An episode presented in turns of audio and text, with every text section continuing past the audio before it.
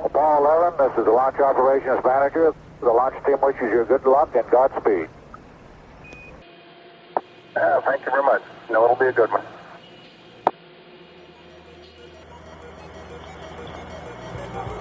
Three minutes, 25 seconds and counting. We're still go at this time.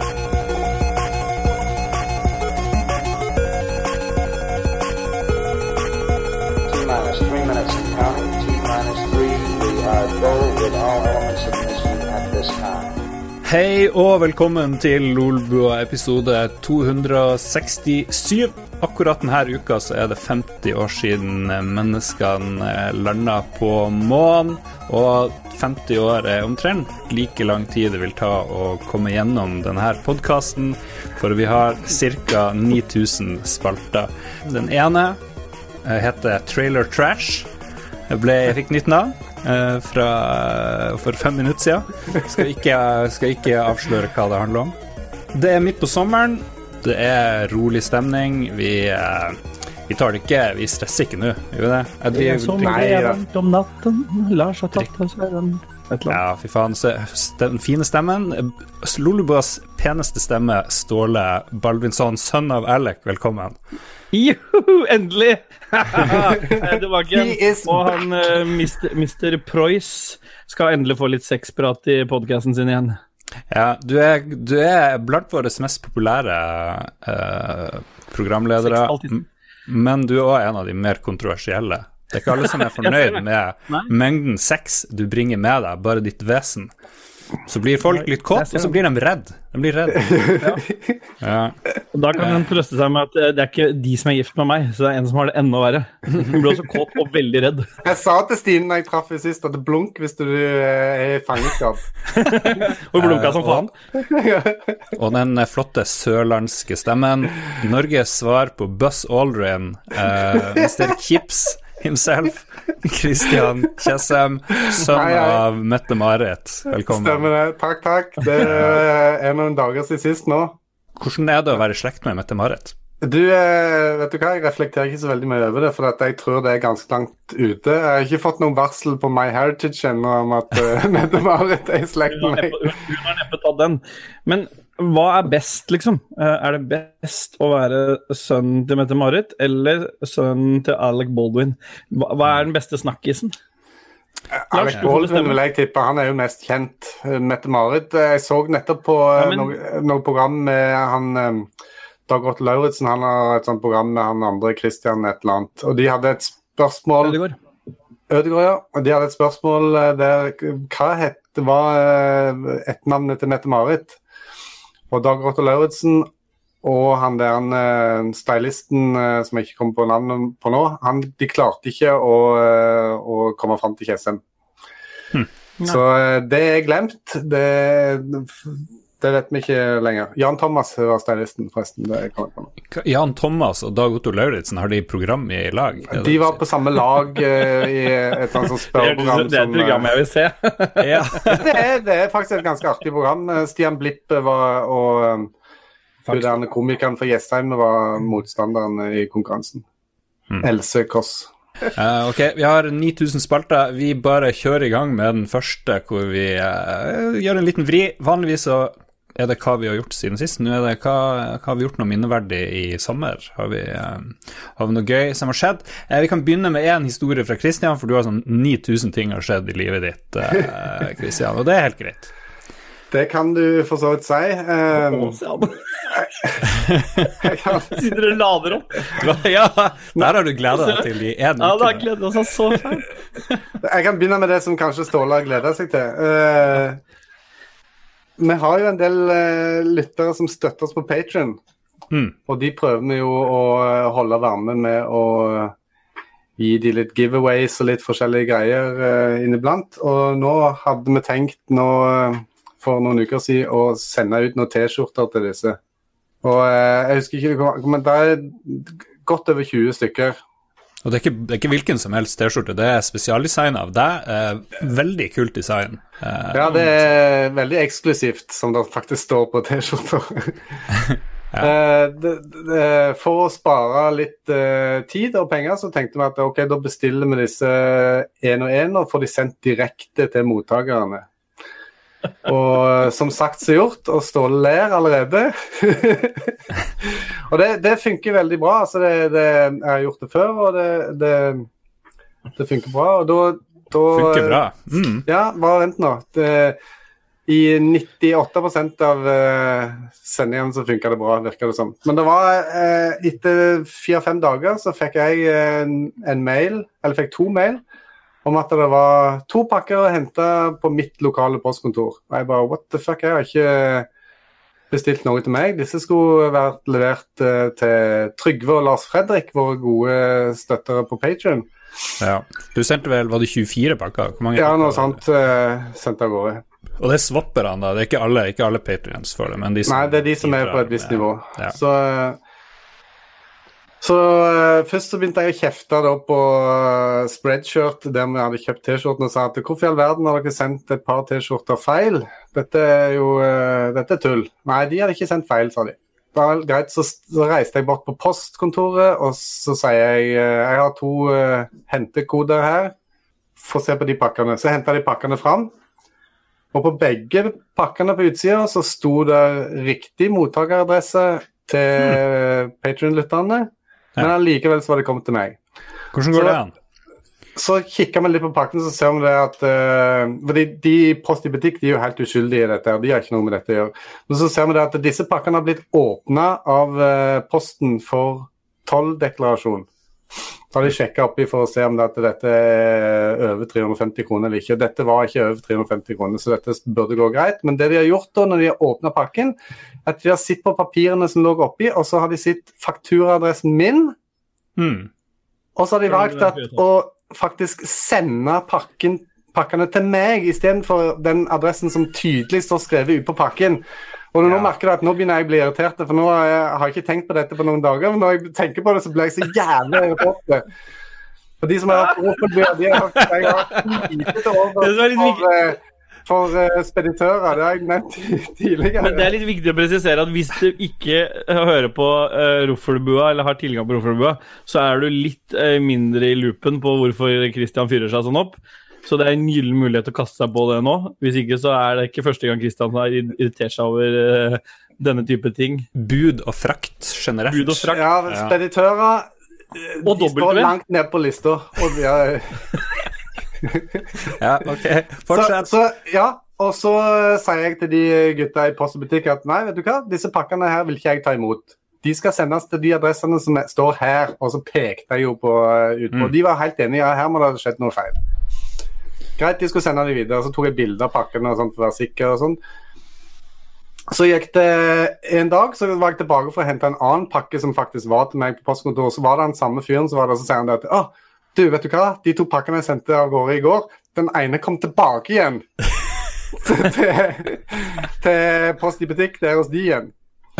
Og jeg bare, Er det mulig å være så talentløse? Det, Norges største verna bedrift, det er Posten. Men så, uh, ja, så, vet, det, er den som heter, ja, den som ja. heter Going Postal. Hvor nært ja, det er det Jeg følte meg nesten som Michael Douglas i, uh, i, Falling Down, eller hva det heter. Hadde jeg hatt mm. Uzi. du starter med et balltre, så det Så ja, men så, så, sier han at ja, han skulle prøve en gang til. Så, så jeg har jo sittet hver dag og refresha den trackingen for å se hvor disse pakkene var. Og endelig, og omsider, så endte jo de pakkene opp på de postkontorene der de skulle være. Men her kom uh, kickeren, da. Den ene var jo langt oppe i nord, uh, i nærheten av Bodø. Og Posten de sender hentelappen til meg. hmm. Er ikke det flott? Mystisk. Jeg, jeg, skulle liksom reise 120 mil for å hente den pakken ut fra postkontoret på Prix der oppe, eller hvor faen det var. Ja. Det, er det mulig å være så sta Den andre var ikke så langt vekke, det var Kolsås eller noe sånt, så den kunne i teorien ha kjørt bort og henta. Eh, så jeg måtte jo ta kontakt med disse to gutta, som sagt Trygve og Lars Fredrik, og informere dem om at det der var pakker, og her er hentekoden og sånt, så de fikk henta de pakkene. Mm. Men dette her er helt håpløst, altså. Det er ja. Jo, nei, men skjønner det. Uh, Mage Jeg jobba, jeg jobba fire år i Posten jeg, på godssenteret med pakkesortering, og jeg kan bekrefte at uh, det er fortsatt verna bedrift. Ja, det er bra. okay. Ellers har jeg hatt det hyggelig. Jeg har vært i Sverige, i Lund. Ja, det er jo der min Det- bror, uh, Ja. bror bor. Cobblestone Hell. Det å kjøre Å gå i gatene der med trillekoffert, det er helt jævlig, for alt det, overalt er det Ja. sånn uh, Kan bekrefte det. Brostein. Men det var veldig hyggelig. Jeg var på Gubbdata, som arrangeres årlig hver sommer i, i, i Lund. Gubbdata. Gubbdata. Eh, det er sånn eksklusiv greie. Det er sånn 20 stykker, det? er ikke mange? Nei, det var eh, det var 70 stykker, så var det et par ekstra som droppa inn, så vi var vel kanskje 80-90 stykker. eller noe. Men okay. det, er sånn, det er invite only, sånn at han som arrangerer det, har kontroll på hvem som kommer. Så ikke det kommer noen sånne gærninger i- i- fra Hurum og river ned hele Vi slipper sjelden inn noen steder. Så det, Det, men det er sånn Commodore? Er det kun Commodore? det er? Commodore 64 og Amiga. Å ja, du får, så det er ikke banne i kirka å ta med seg en Amiga? Nei, det er det ikke. Det er Amiga comp Competition og det er Commodore 64 Competition. Og det var vel òg når Skal vi da gjøre sammen med Nes. Atari SD var det òg, men eh, det, det var ikke Snes noe demo. Mini. det. Snes Mini. Ja. Det er toppen av harselering med den gruppa. Det er det du møter opp der. Og så bare, men jeg skal også spille retro på min SNES og NES Mini. Koble til og bare sitte og game retrospill fra de minikonsollene. Eller eller en C64 Mini. Ja, den har Nå kommer den i en ny variant med fungerende tastatur og sånt, men uh, vi får se hvordan den blir. Men eh, folk er så hyggelige at de hadde sannsynligvis ikke kasta deg ut. Han har sagt at du, men du får ikke komme til neste år, hadde de sagt. Du kjenner Christian, sier du bare, så går det greit. Ja. Eh, jeg skal, du kan fortelle mer om Gubbdata, men jeg må jo skyte inn. Jeg har fått meg min tredje Amiga, bare sånn plutselig. Ja, du bare får hardware over en lav sko, skjermer og alt sagt. Jeg måtte ut og handle en skjerm her eh, på fredagen. Ja. En gammel jeg, fikk, 1084. eh, jeg fikk en 1081-skjerm, tror jeg var, og en Amiga 1000. Den eldste Amigaen fra Ja. 84. Det er eller originalen. Originalen. Originalen eh, Det ser ut som en vanlig PC. Det er jo forma som en vanlig PC, med kabinett og keyboard og mus og sånne ting. Så jeg har ikke fyrt den opp. Jeg tør jo ikke fyre opp fordi jeg hørte nettopp en podkast som heter The Retro Hour, som er veldig bra. Dan the Man. Veldig ok, og de hadde en gjest som er ekspert på restaurering og vedlikehold av gamle maskiner. Og han sa at hvis du liksom har en kjempegammel Amiga, og så begynner du å skru den på, så kan det hende den funker i utgangspunktet, men jo lenger den er på, jo mer risikerer du at du fucker opp eh, de her, kapas, hva det er, capacitors. Capacitors. Ja, og batteri og sånne ting. Og ting. må- begynner å lekke masse og sånt. Så jeg skal Men det blir sikkert en formue å sende mine nå tre Amiga 500, Amiga 1200 og Amiga 1000. Og få Det er jo liksom- kult å gjøre, da. Det er, jo, Ja, det er veldig kult. det er verdt det sånn sett. Men Ja. det er sikkert dyrt, da. Det er en Så veldig god følelse etterpå når du vet at eh, å, det, alt dette funker. Alt Ja. er på G, liksom. Men nå har jeg to Amiga-monitorer. Den ene funker delvis. Jeg har ikke prøvd den nye. Og så vet jeg at 1200 funker bra. Og... Men liksom når jeg får alt, alt det her fiksa og ordna, så da begynner jeg å Da snakker jeg å ordne et lite rom eller et eller annet, og ordne Kult. i kjelleren og, og styre. Og kan koble sammen og jeg vet ikke. Så Ja, ja, Nullmodemkabel var sånn vi spilte LAN i anførselstegn i Ja. gamle dager. Ja, for du kan Men jeg liker vet ikke spennende for meg, det, som den flyepisoden. Jeg føler at nå driver vi og taper Ståle, men eh, litt av, du har jo litt Amiga-interesse, har du ikke det? Jo da. Ja. Eh, Ja, det var veldig kort. Men det eneste spillet jeg vet du kan koble sammen, er Stunt Car Racer. Er det mange Ja. andre spill? Vet du? Firepower, Ja, nettopp. Mm. det husker jeg var kjempekult. Nei, så det, det, det var bare Det er bare kompisene som, når de ikke har plass, eller, eller damen deres eh, vil ha mer plass i huset, så finner de ut Da bare dumper de sine Amiga-ting hos meg. Og det er for så vidt greit. Ståle skal få en liten dose Amiga når han kommer på besøk eh, på onsdag Ja. til meg. Ja. Eh, Jeg så har skal spilt på noe annet enn uh, Min første konsoll var jo SNES, så for mitt vedkommende Så hvis, jeg, hvis du viser meg en eh, C64, så blir jo det Nå stakk Kristian nå. Da blir jo det det første um, Første jeg har vært i nærheten av Nærmeste jeg har vært i nærheten av en sånn maskin. Ja, da skal du få se mange. Å, herregud. Um, ja, det, jeg skal holde folk oppdatert hvordan det går med min uh, Amiga-greier. Men ja uh, Please Lag en YouTube-video av det. Det, det skjedde noe spennende på det Gubbdata òg, Christian. Hvis vi skal hoppe tilbake til Sverige og lønn. Dra du- drama i Nei, det var ikke noe drama. Men eh, det var jo en competition, og jeg, uh, bidro med en demo der. Uh, det ble ikke pallplass denne gangen på meg, men jeg kom på fjerdeplass. Men jeg snakka veldig mye med de som uh, kom på andreplass. Og det endte jo med at når jeg kom hjem, at vi ble enige om at jeg skulle joine deres gruppe istedenfor. Så jeg har eh, Ja, hvordan skjer det? Du blir bytte demogruppe. Det høres ut som noen blir sur av det, da. Eller Ja, det, det, altså det føltes nesten som å gjøre slutt med ei dame når jeg skulle si det til de andre gutta, de som styrte den gruppa som jeg har vært med i tre år.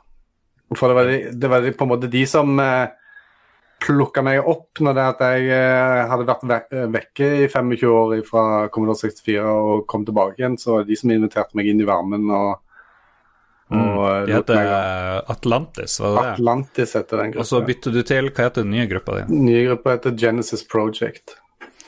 Ikke hørt om eh, noen av de, nesten, egentlig. Men Nei. ja. Dette er jo en, en eh, subkultur som eh, er kun for de interesserte. da. Ja, Så. jo. Men kult. Men det, det, det, ja, det var, jeg føler at det var et eh, steg opp for min del. Ja, er det det? Hva, får du mer lønn? Får du eh, Lønn bedre- får vi vel eh, aldri, tror jeg. Her er det bare kostnader. Men det er generelt Det er derfor de plukker opp folk. Det går på hvem som har best inntekt, så det kan få gjort mest mulig. Så kan det, så, sånn at de 10 vi må gi til crewet, de blir mest mulig? Ja, ja. Nei da, det er ikke noe Stakkars sta- statsansatte inni det greiene der, for å si det sånn. Det er verken eh, lønn eller kontingent eller noen ting. Økonomi har egentlig ingenting med dette å gjøre. Så det, det er bare eh, hvem du liker å jobbe sammen med. Og det er veldig mange dyktige folk i GP. Så eh, jeg gleder meg til å Vi har allerede begynt å planlegge ting som skal releases i november 2020, som ligger langt foran. Men ble du headhunta, vil du si det, eller hvordan funker det?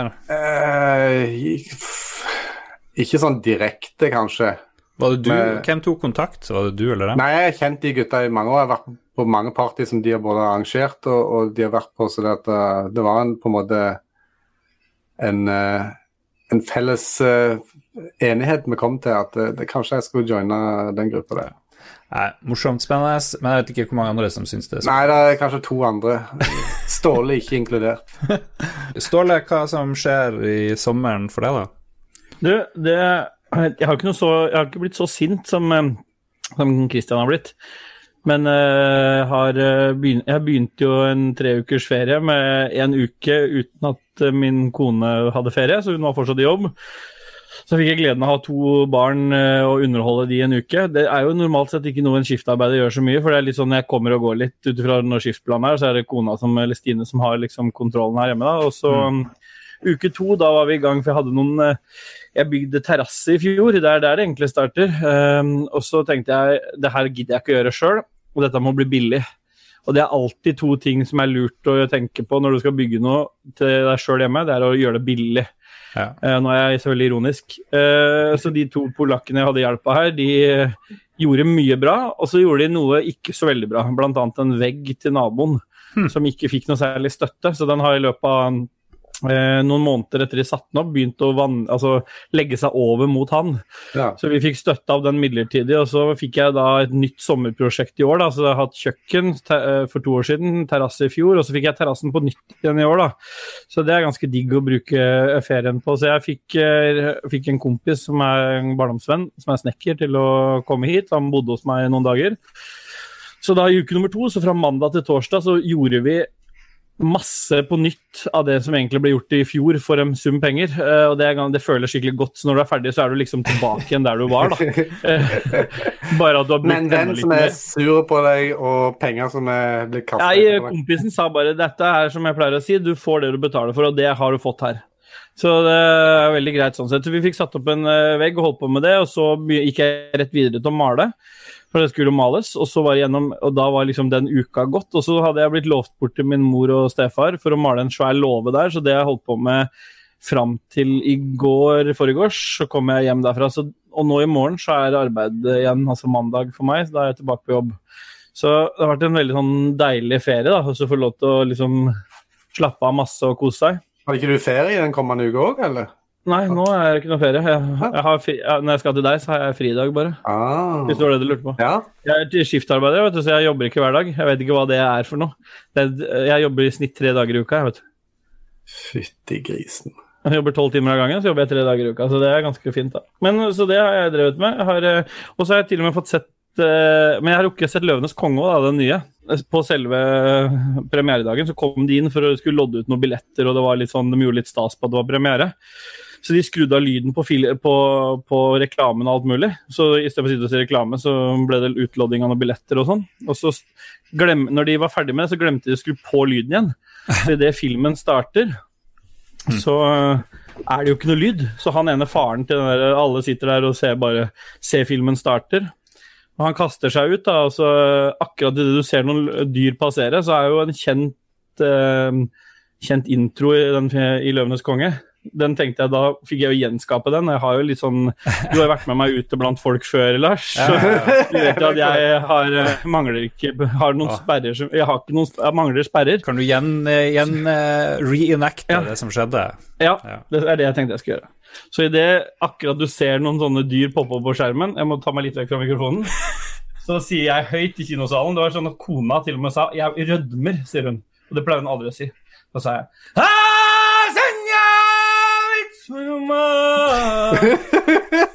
Og så ble det stille en liten stund, og så bare var det full latter i hele den kinosalen. Så det var jo god stemning, da. Så hører jeg. Stine fra høyre side. Jeg har aldri vært så flau i hele mitt liv. Jeg rødmer, sier hun. Men unga syntes det var veldig gøy, da.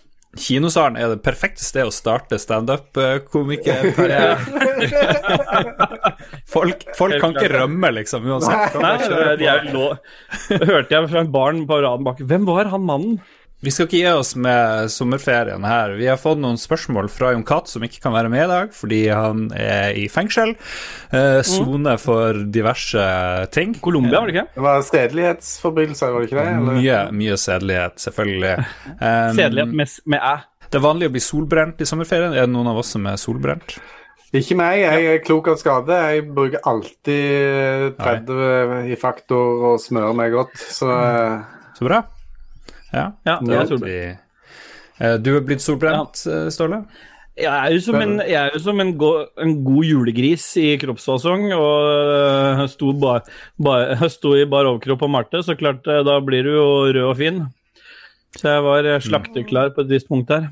Men jeg ro- roa seg litt. Noen lærer aldri det der eh, solbrent. Men det er så, nei, men vet du hva, jeg visste at jeg kom til å bli solbrent, men jeg vet også at jeg får så genuint lite C- og D-vitaminer av den sola, så da får du bare svi av et hudlag eller to en gang i ny og ne for å få inn litt grann, øh, vitaminer. Så det er bare sånn selvvalgt um... Du tar gjerne litt hudkreft hvis du får Ja. D-vitaminer.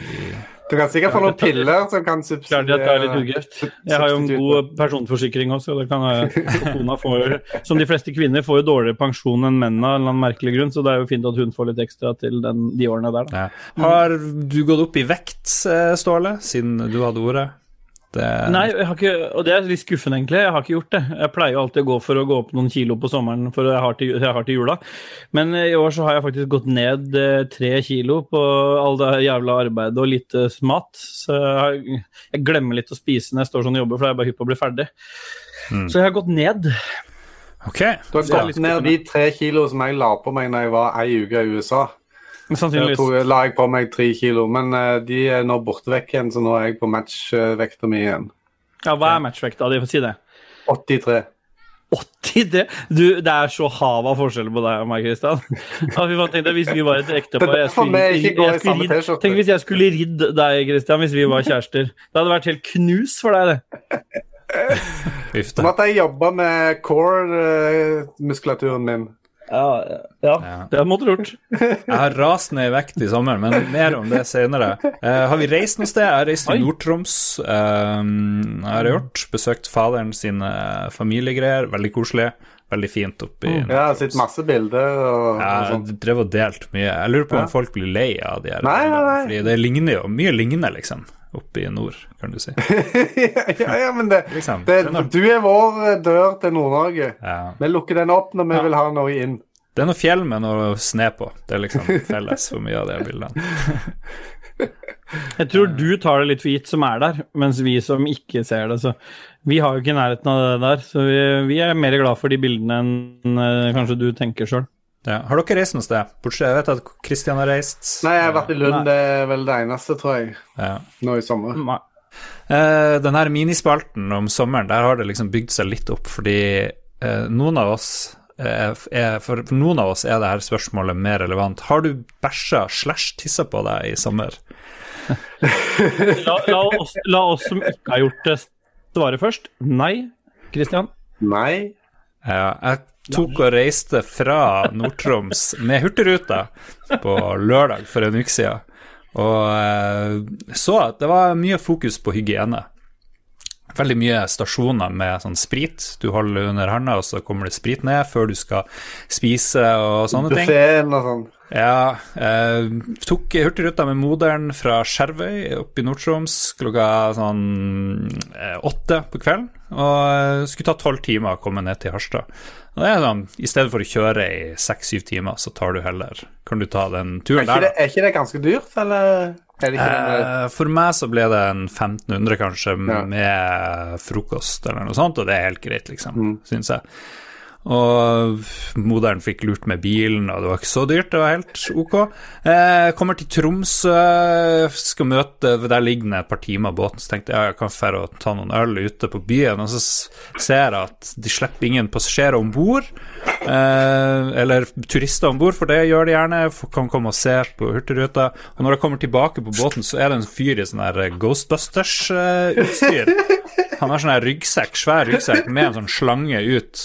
Hvor han Og driver driver og sprayer sånn. Han driver og sprayer greier. Så men Jeg er litt god og full, men jeg skjønner jo at her er det noe sykdom. Og det er jo vanlig at det er norovirus om bord på de båtene. Sånn er det bare. Jeg bare, ja, fuck it, jeg blir ikke syk. Kommer hjem, eh, har en grei lørdag, våkner tidlig opp på søndag, kjenner at det er noe rart. Det er noe rart i magen. Går på do, klarer å besvime, klarer å tryne på badegulvet eh, på magen. Eh, ligger der. Eh, våkner opp, skjønner ingenting. Ser dørkarma rett foran meg. Klarer ikke å røyse meg. Kjenner at, eh, at jeg innser at jeg er helt naken. Innser, innser at jeg må urinere og eh, kjøre avføring ganske hardt.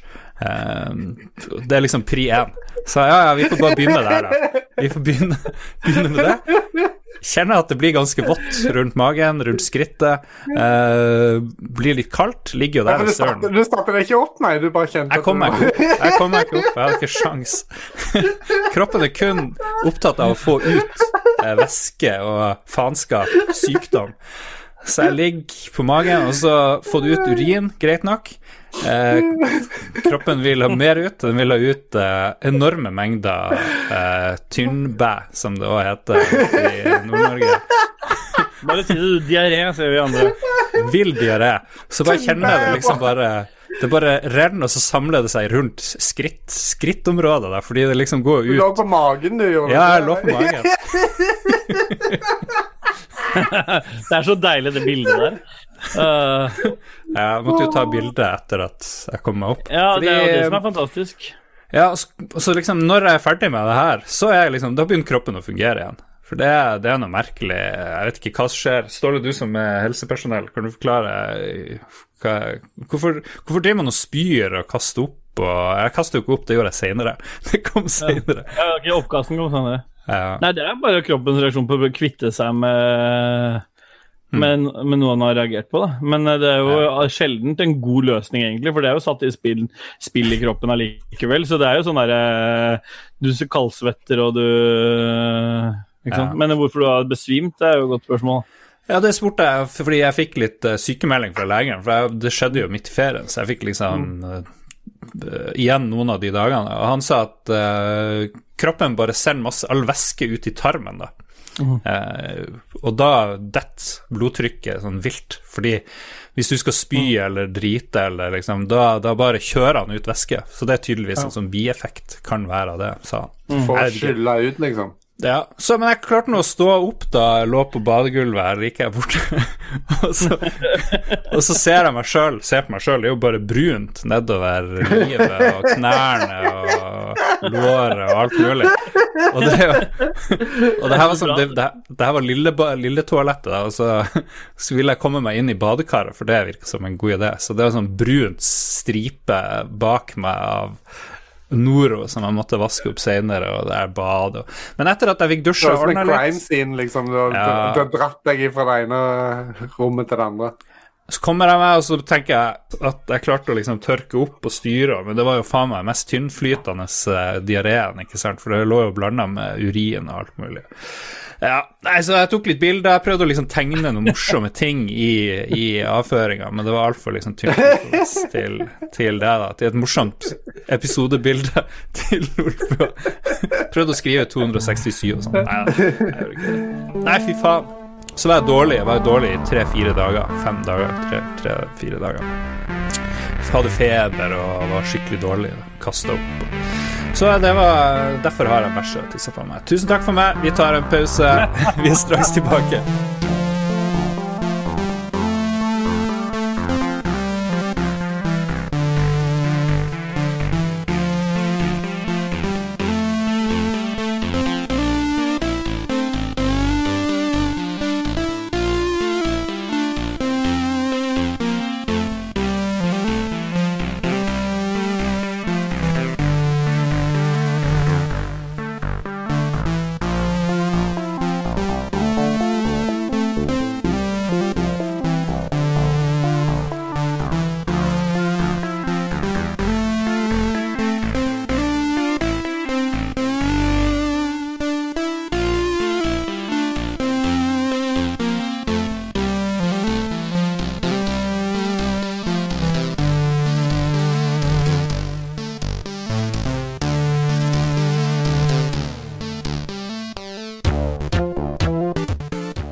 Velkommen tilbake. Vi skal snakke om hva vi har spilt uh, siden sist. Eh, um, ja Hvem har lyst til å begynne? Jeg, Jeg kan begynne å si jeg har spilt det, det eldste spillet. Da må det, nå, snak, nå, nå snakker vi ikke om retrospill ja, engang. nå Nå- skal jeg også begynne, så da må Lars velge. Ja, da kan Lars Eh, ja, det er Ståle. Ståle er Ja! for Han er yngst, han er yngst så er yngst. la oss hjelpe med. Den 10. juli så ble det lansert et nytt eh, Nintendo-spill på mobil. Oi. Og det heter Det er det gamle Nes-klassikeren Dr. Mario. Jeg Har ikke fått med meg at det dukker opp, eh, faktisk. Unnskyld. Nei, altså det som For å sammenligne, da. Den Super Mario Run var jo et betalt-spill som eh, ja, De kunne kanskje gjort litt mer ut av, men det var i hvert fall et spill uten mikrotransaksjoner. Dette er det stikk motsatte. Oi. Jeg hater meg selv for å i, i det hele tatt bruke, ha brukt så mye tid, for det har jeg gjort.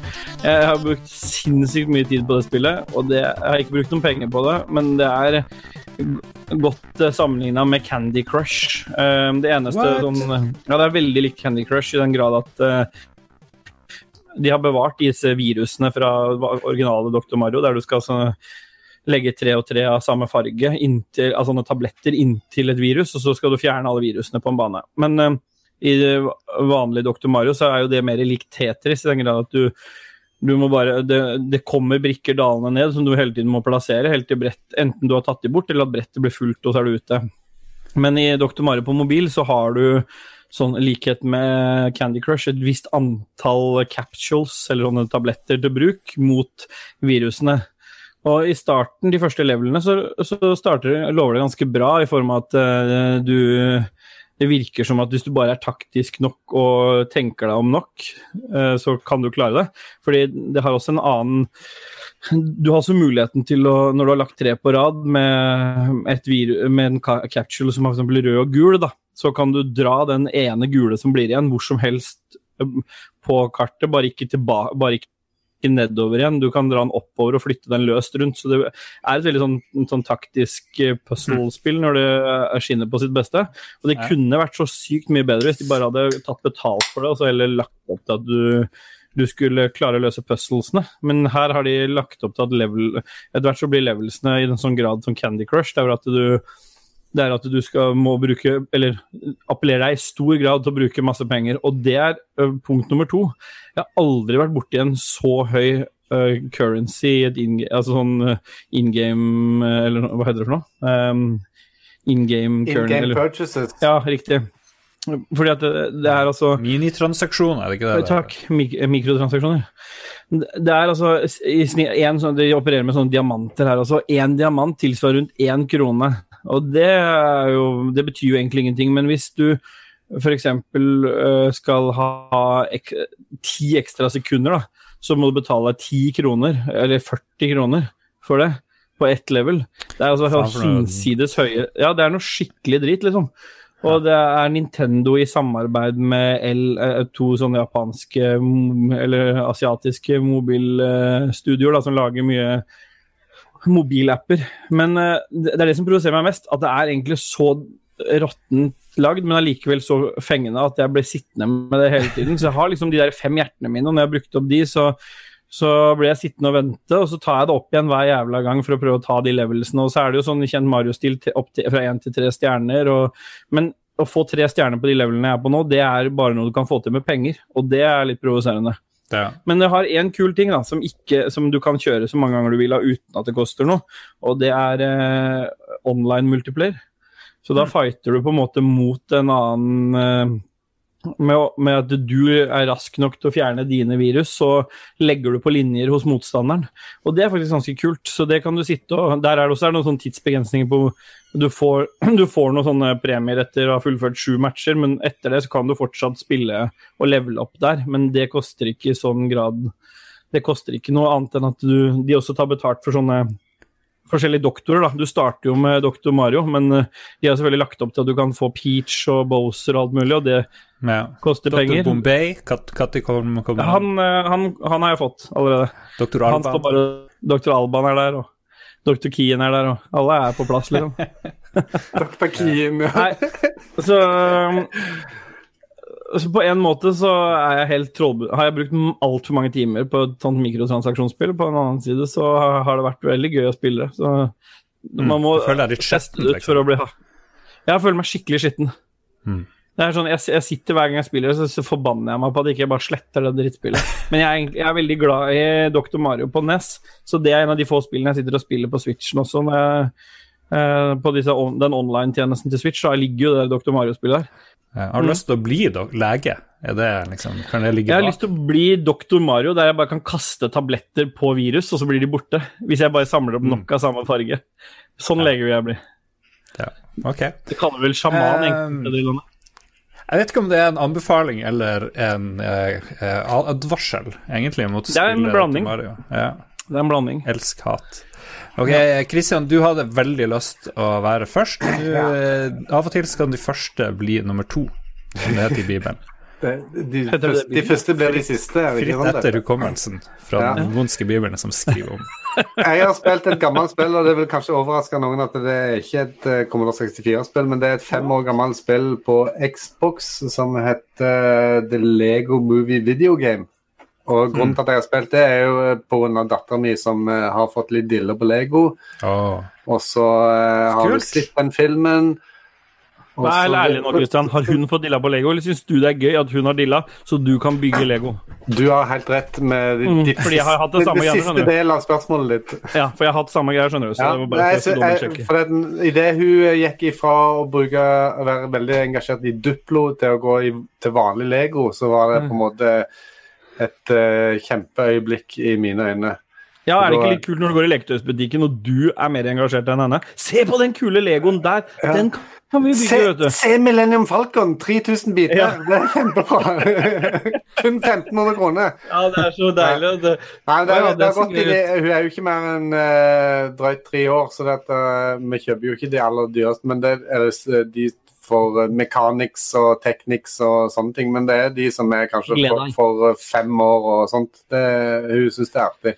Så derfor har jeg spilt det spillet der, og jeg, jeg har faktisk uh, syntes at det var var gøy å spille det. det var, jeg hadde ikke trodd det. Jeg trodde bare at eh, ok, nå skal jeg bare jatte med dattera mi og holde på. Men eh, det er litt gøy, og hun eh, tar kontrollene og prøver å styre litt uh, sjøl, og det er jo enda mer artig. Mm. Så ja, det det er det er en utvikling som jeg ser på med glede. At du engasjerer seg eh, på en måte i spill. Så eh, her eh, tidligere i dag så vil du ned sa at, jeg, at du vil i mancaven og kjøre bil. Oh, da blir pappa Oi. glad. Oi. Hun rekker jo ikke ned til pedalene, men hun gjorde gestikulerte på en måte rattbevegelsene med hendene og sånt. Så det, Hmm. Da kan jeg jo dra fram Forza Horizon 4 med Lego-plug-in, Ja, det er kul, den der. så, så, så Ja. får du sitt Lego der òg. Har du en plan hvordan du skal liksom gjøre henne til mest mulig nerdete person, eller uh, vet, Jeg har så, jeg har så mange planer. Eh, Hun skal starte med trial-kjøring, og hun skal bli gamer, hun skal bli programmør, hun skal Jeg vet ikke. Og så kommer de aldri til å slå gjennom med noen av dem. fordi at det, sånn som det var her i huset, så har jeg et ønske om at de skal også bli interessert i de samme tinga, sånn gaming-relatert og sånn. Og han eldste Noah, han har bitt på den. Så han, det første vi liksom fikk Jeg tror det er derfor jeg er såpass hypa på Sea of Thieves. For det var egentlig da han begynte for fullt å game. For da satt jeg en Xbox på rommet hans, og så og så begynte vi å spille det aktivt sammen, og det var vel første gangen liksom han eh, hadde sitt eget som han spilte på og sånn. Og så her prøver jeg det samme med dattera mi, for jeg tenker at det skal ikke være noen forskjell. Hun trenger ikke å bare bry Men hun er bare opptatt av neglelakk. Og så jeg prøver å dytte den switchen i hånda på. Da. Prøver å vise henne Mario Kart eller noen andre spill som hun syns er Men hun er Pappa, så jeg sier hun, du vet, jeg er ikke så glad i sånt spill, jeg, skjønner du. Så bare spill, du, sier hun. Og det syns jeg er så teit, for at eh, hun burde jo Hun hadde vært supergod i de spillene. Altså, jeg må liksom bare finne noe Jeg må finne det riktige til henne. Hun, hun hender hun tester et par ganger, og så bare legger hun fra seg kontrollen. Hun syns vi er noe gøy. Har noe neglelakkspill, noe sminkespill. Ja, men jeg har ikke lyst til å gjøre det stereotypisk. Jeg, akkurat der er litt sånn der, det er litt sånn Nei, dårlig hvis det var det du interesserte seg for, liksom. Ja, jeg, skjønner, jeg vet det, men er- jeg tror du skal bare få litt sånn med Noah. Jeg klarte liksom, Han var ikke så interessert i å, de kontrollene og sånn, han heller. Men jeg fikk det liksom da, Hun spiller jo litt på iPaden, så hvis jeg bare finner liksom den riktige komboen der, så vi kan spille noe sammen, det er det som er gøy. Altså, Mm. Man kan ha de derre Sånn som på sommeren nå, ikke sant. At man kan eh, Sånn som, en, ja, som med Noah. At han, nå er jo han sjøl blitt mer gamer enn meg, så han har jo fått ordna seg en, en PC som han spiller på. Som han fikk av onkelen sin, eller filleonkelen hans, da, som han hadde en gammel med et 980-kort på. Så det er jo mer enn godt nok for han. Så han sitter og spiller Sea of Thieves på PC-en, mens far sitter på Oh. Xboxen i stua. Ja, okay. Og det har han ønska seg helt. Det har ikke jeg spurt noe om. Han hadde begynt å spare, ville spare penger til PC, for det, PC var mye bedre enn konsoll. Det, det, det vet dere at jeg ikke har sagt det. PC Master Race. ja, ja, ja. Vi skylder på filleonkelen. PC Ja, Master ja, Race ja, kul, da. eh, har du oppfostra, faktisk. Mm. Ja, så han har fått dumpa inn en sånn her Han er jo så liten, han er jo bare sju år, så det er så vidt de fingra når over eh, ASDF eh? ASD, Ja. ja. Men det er bare tilvenning, så han er helt en kløpper nå. Så det er jo skummelt. Så det jeg håper på nå, det er at jeg er såpass jeg er sånn, Selv om jeg har spilt masse Sivativ, så er jeg såpass sånn eh, helt decent når jeg kommer til PVP. Så jeg har sagt til ham det viktigste for meg er at du blir så god at jeg bare kan og du kan bare skyte deg over på andre scootere og så ta de ut for meg. Ja. Så, vi kan liksom, eh, så vi kan drive og Så du blir virkelig kaptein, du bare Ja. liksom uh... Bare vil ha han til å bli god nok til at jeg kan bare sende han ut til Ja, ja, ja. liksom, ja, Carry meg, som det så fint heter Eh, PVP. Stemmer. Carry laget. Ja, beklager, men jeg fikk nevnt litt Sea of Thieves. Ja, ja. Det er veldig bra. Skal vi se. Uh, jeg har spilt eh, ferdig to ganger uh, Bloodstained Ritual of the Night, som jo er uh, et spill fra en dude som heter Koji Igarashi. Jeg nevnte det forrige sending òg. Det er et sånn Metroidvania-spill. Japansk uh, Castlevania-aktig. Og to første gangene jeg fullførte, fått bare sånn dårlig ending. Eh, det er ikke sånn at jeg har spilt gjennom hele greia to ganger, men du lagrer før på ulike steder, så kan du liksom gå videre, og så kan du prøve å få ny ending og masse, masse ting. Og første gangen jeg fikk en ending, så hadde jeg 50% av kartet hadde jeg oppdaga.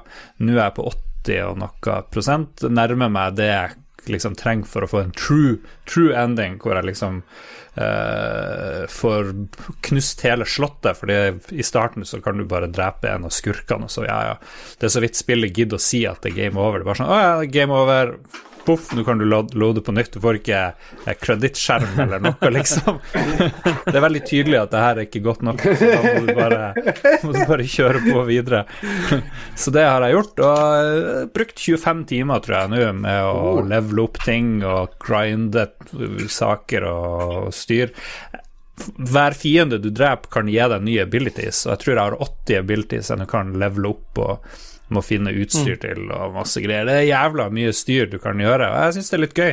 Morsomt nå på sommeren å ha litt tid og sitte og koke lure og, Ja, det er et sånt spill fra han som opprinnelig hadde en Han har et Castlevania-spill, har han ikke? Ja, han styrte på med Symphony of the Night. Symphony of the Night, det. Mm. Det er kanskje liksom det beste, men uh, Og det her er ganske likt. Eh, og hvis du liker sånne ting, så anbefaler jeg det veldig. Men jeg, det begynner bli, jeg begynner å bli litt lei. 25 timer er kanskje liksom Jeg skal se om jeg klarer å få gjort en av de bedre endingene. Ja. Men er du også litt sånn at når du, når du vet at det er en mulighet i sånne spill, Mm. at det er det som tar litt piffen ut av deg i sånne spill? At du, du vet at det er mulighet til å gjøre det, så du har litt lyst til å gjøre det, men det er altså så tidskrevende, og du Ja. har så mye annet som man kunne tenke seg å ha spilt, Så jeg, Ja. Det er så mange sånne Jeg har fortsatt ikke fullført hele Mario Odyssey heller, for det blir sånn, jeg blir så bet, besatt av å liksom Ja. samle alt av stjerner eller alt av sånne ting. Til slutt så bare er jeg drittlei hele greiene. Ja, ja. Det blir for mye detaljer, Ja, for ja. mye greier. Men det er jo noen som syns det er gøy. Og Ja. eh, det er jo artig å fullføre ikke sant, det der eh, Symphony of the Night, Castlevania. Da kunne du, du kunne ikke bare oppdage 100% av kartet, det var 200 Ja. og her, Men her er det 100% Men å liksom finne absolutt alle de små, hvert skjulte rom og sånt, det, det tar litt for mye tid. Så, men jeg er veldig fornøyd. Verdt de her 400 kronene, eller hva det koster. Så Bloodstained Ritual of the Night uh, Et uh, spill med mye fin musikk, mye fin grafikk, veldig cheesy, mye sånn her uh, upskirt-greier og mye tvilsom stønning. men Det får nå- det, er sånn typisk, dessverre, på alle måter, og heldigvis japansk.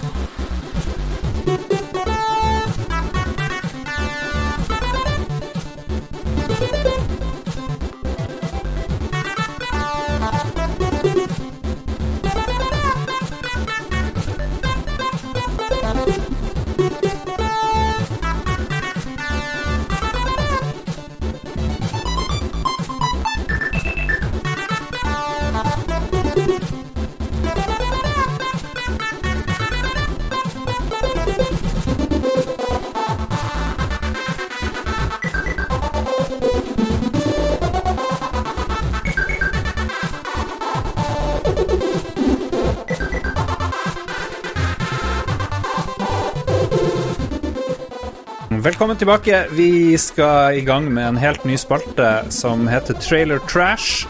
Få se om den varer i mer enn én gang. Hva er oddsen for at dette er en sånn engangsspalte, Christian? Nei, eh, altså så sant det er content som eh, vi kan uh, latche oss til, så bør dette være en grei spalte, egentlig. Men det, det betyr at det må være noe som er relevant å se på. Ja. Vi skal nemlig se på nye trailere av ulike ting. Det kan være spill, det kan være film, det kan være hva som helst. Ting folk eh, forhåpentligvis er interessert i, og så, eh, så kan eh, vi kommentere underveis. Eh, vi begynner med Jeg har liksom med vilje ikke ønska å se traileren til Top Gun, fordi Nei, ikke jeg heller. Nei, ja, jeg elsker jo jeg første Top Gun. Men det er jo en annen grunn til at jeg ikke har sett den traileren. La meg bare få skyte inn. Jeg sa til kona mi faktisk i går at uh, Vet du hva, det kom en ny Top Gun-film. Traileren har kommet, og hun bare ehm, Jeg tror ikke jeg har sett den første.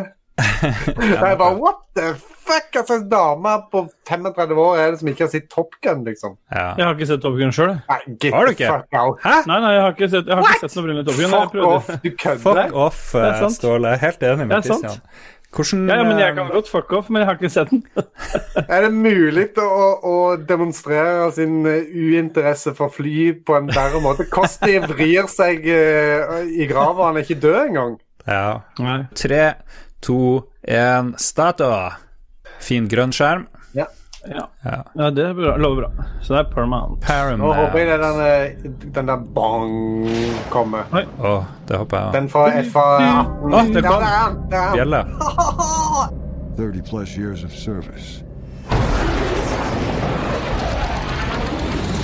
Combat medals. citations. Only man to shoot down three enemy planes in the last 40 years. Det er visstnok ingen sånn CG-fly, men jeg vet ikke om jeg tror på det. Er det bra så fly står You can't get a promotion, you won't retire. Despite your best efforts, you refuse to die. Det der ser jo fettordens kult ut.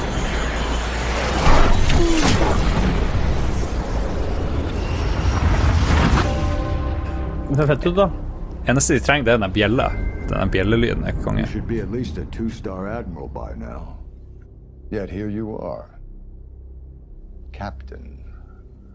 Åh, han har kjørt uh, FaceAppen uh, ganske radig. Der de ser sykt gammel ut. Og der er Tom Cruise. Han ser òg ut som han har kjørt FaceApp. Tom Cruise ser jo bedre ut nå enn han gjorde før, da. Det er kanskje det mest positive å si. Å, se! Oh. Maverick. Maverick. Det er litt kult. Og så er det musikken. Åh, nå fikk jeg frysninger, faktisk. Seriøst.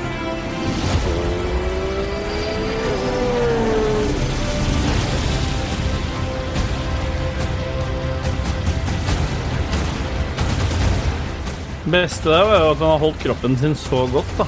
Ja, men det er mye klipp fra Top Gun 1 her, tydeligvis. Ja. Oi, oi, oi. Ja, det ser jævlig fett ut. Men ja, hva ser vi, da? Vi ser masse fly som flyr, og det Men hva Ja, ja. handler den første om? Er det flyskole, eller hva er det? Ja, ja det er det det? flyskole. Ja. Og så slåss de av og til mot noen russere og noe greier. Ok. Maybe so, sir. Og hva skal dette handle om, da? Jeg vet ikke. Hva tror dere? Aner Det som ikke. jeg gleder dere? Det er sikkert noe de skal slåss mot Iran eller et eller annet. I don't know.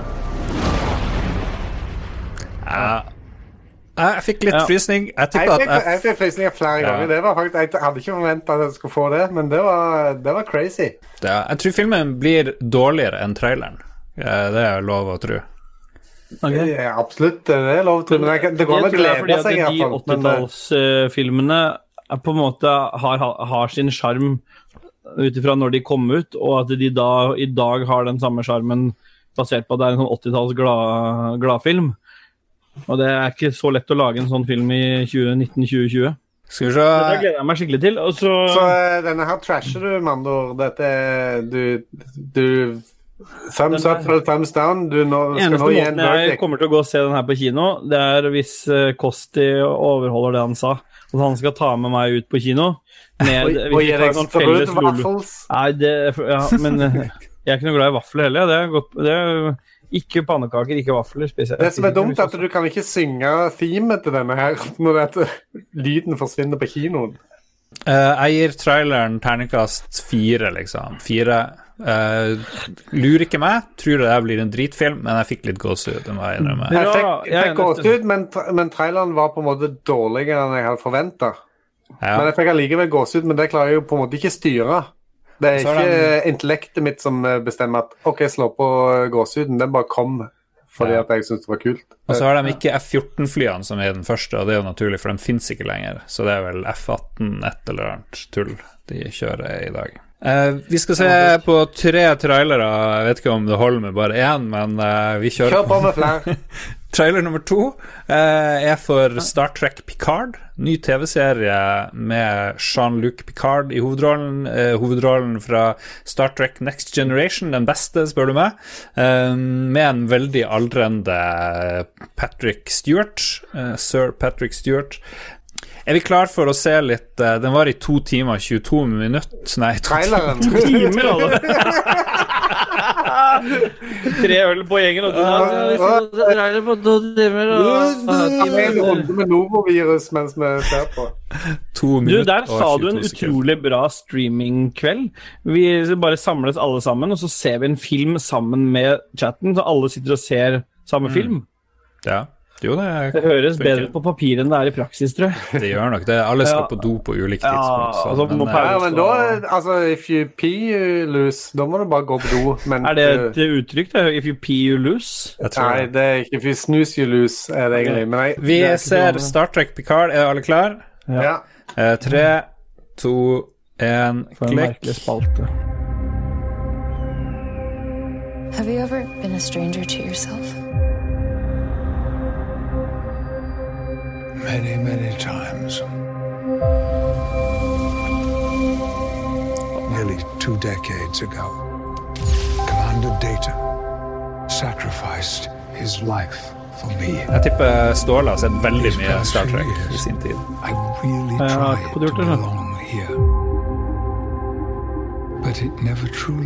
Like. Han ser så jæklig gammel ut. Han, Ja, jeg synes han ser godt ut. Ja. Du er litt sånn Du er litt negg til at folk ser gamle ut. Ja. Se den gammelmannsruten der. Se åssen penisen hans ser ut.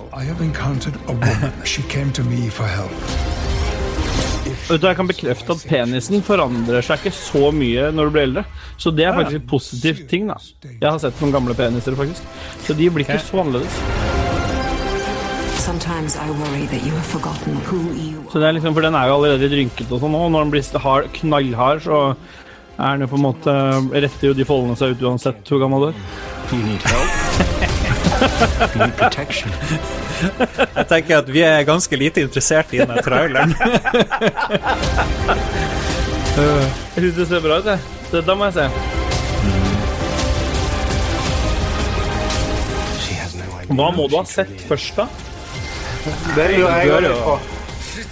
Hæ? Og så kommer det noe Borg-greier, og sånn er kuben der. eh, The Borg, de er jo fantastisk fine. Der er Data.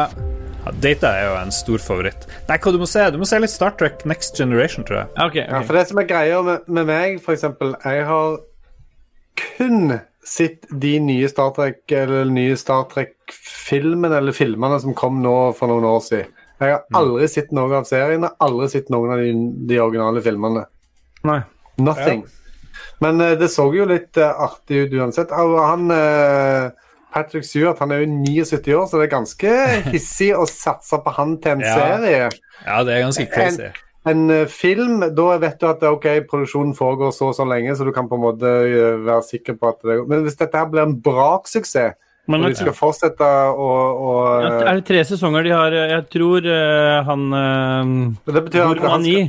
Raymond Caspersen, har uh, lagt ut det tidligere at det er tre sesonger de har, hvis jeg husker riktig. Ja, da er jo han eh, 89 år når det 89, ja Ja.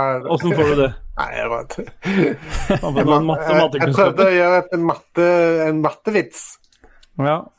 Han, han, han er allerede gammel, ikke sant? men han er jo i, i god fysisk form, virker det som. Men, men det er jo et risikospill fra Hollywoods side. ja, men det er det for alle. Du så jo på den der eh, Hva het den der eh, Roma-serien med han som fikk kreft og døde òg? Jeg så alle Roma heller. Nei, ikke Roma, men den andre. Den Spartakus eller noe. Der fikk jo hovedpersonen kreft, og der var, så måtte de jo bytte ut han.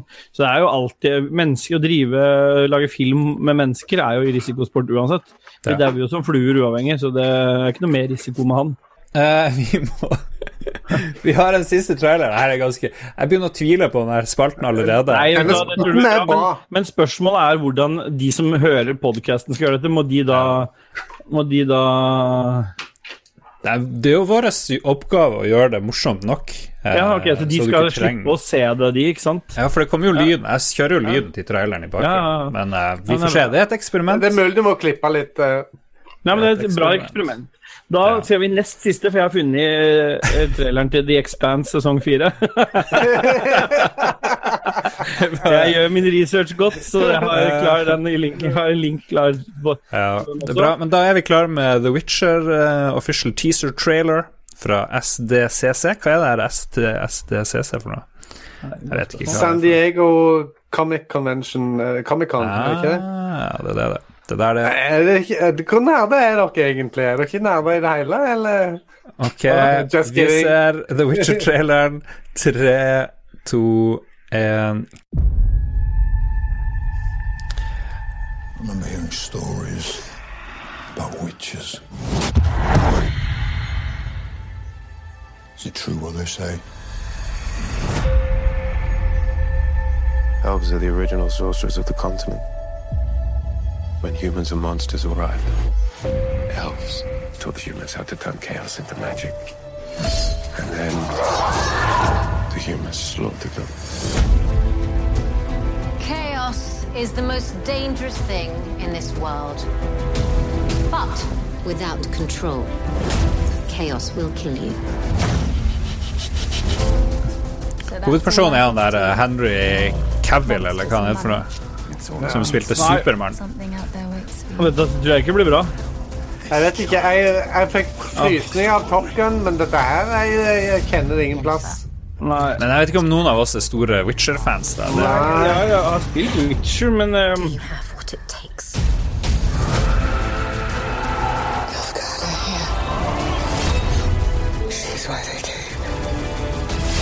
er dette et forsøk på å ta opp tråden fra Game of Thrones-opplegg, eller? ja, selvfølgelig. Fancy var jo stort. Dette er forsøk på å in. Ja, Cash ut på mankoen på Game of Thrones. Ja. Og da. Det viktigste for meg er de fire på, og, og så skal jeg se det. ja. Mm, Jeg vet jeg er ikke solgt, men det, det er nok litt sånn personal taste. Jeg er ikke sånn medieval fan av den både sverd og drager og den type ting. Jeg er ikke Jeg er ikke der. Jeg vil ha sci-fi. Ja, men jeg jeg er, ha- på, jeg jeg er mer med på sci-fi enn uh, Dette kan jo bli gøy, dette her. Den traileren ga meg ingenting uh, Nei. jeg, må, jeg, må si, jeg må si jeg ble mer hypa av å se Top Gun. Ja. Jo, det var nok en bedre trailer. Eh, Det er jo en kunst å lage trailere.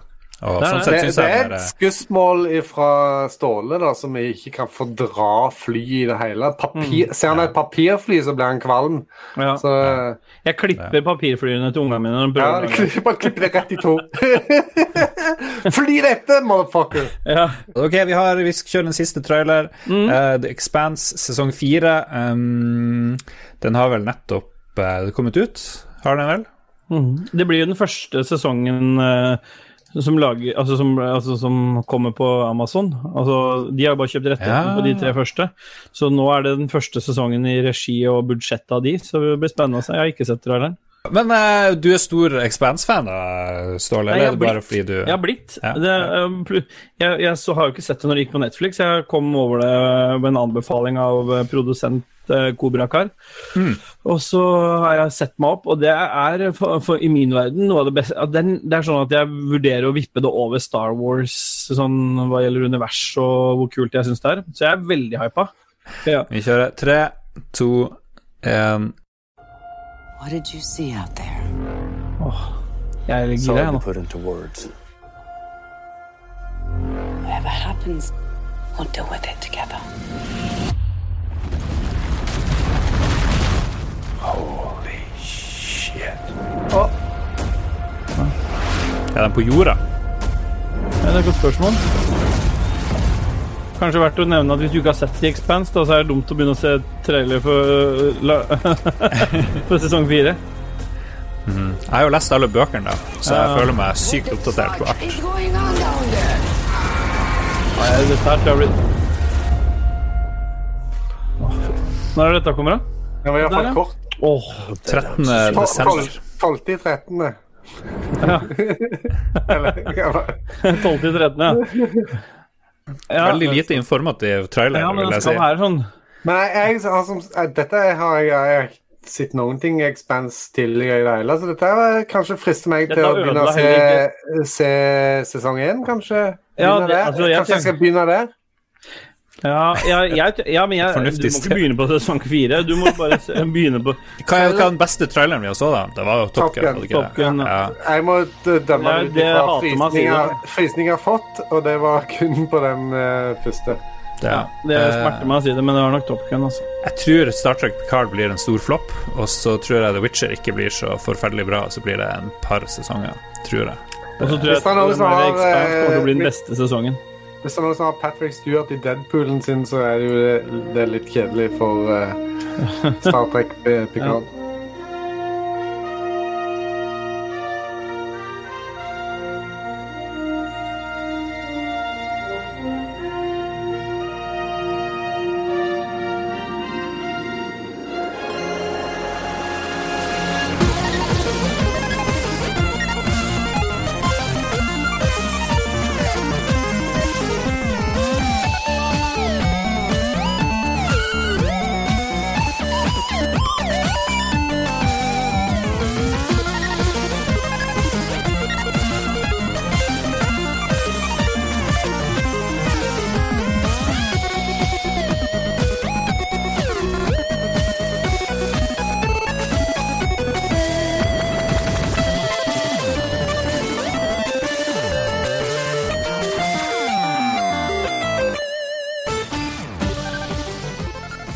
Vi er tilbake, vi skal anbefale ting. Um, vi, uh, I hver episode så skal vi gi deg noe som eh, beriker livet ditt. Noe som gjør deg et mer lykkelig eller klokere eller mer innsiktsfullt uh, menneske.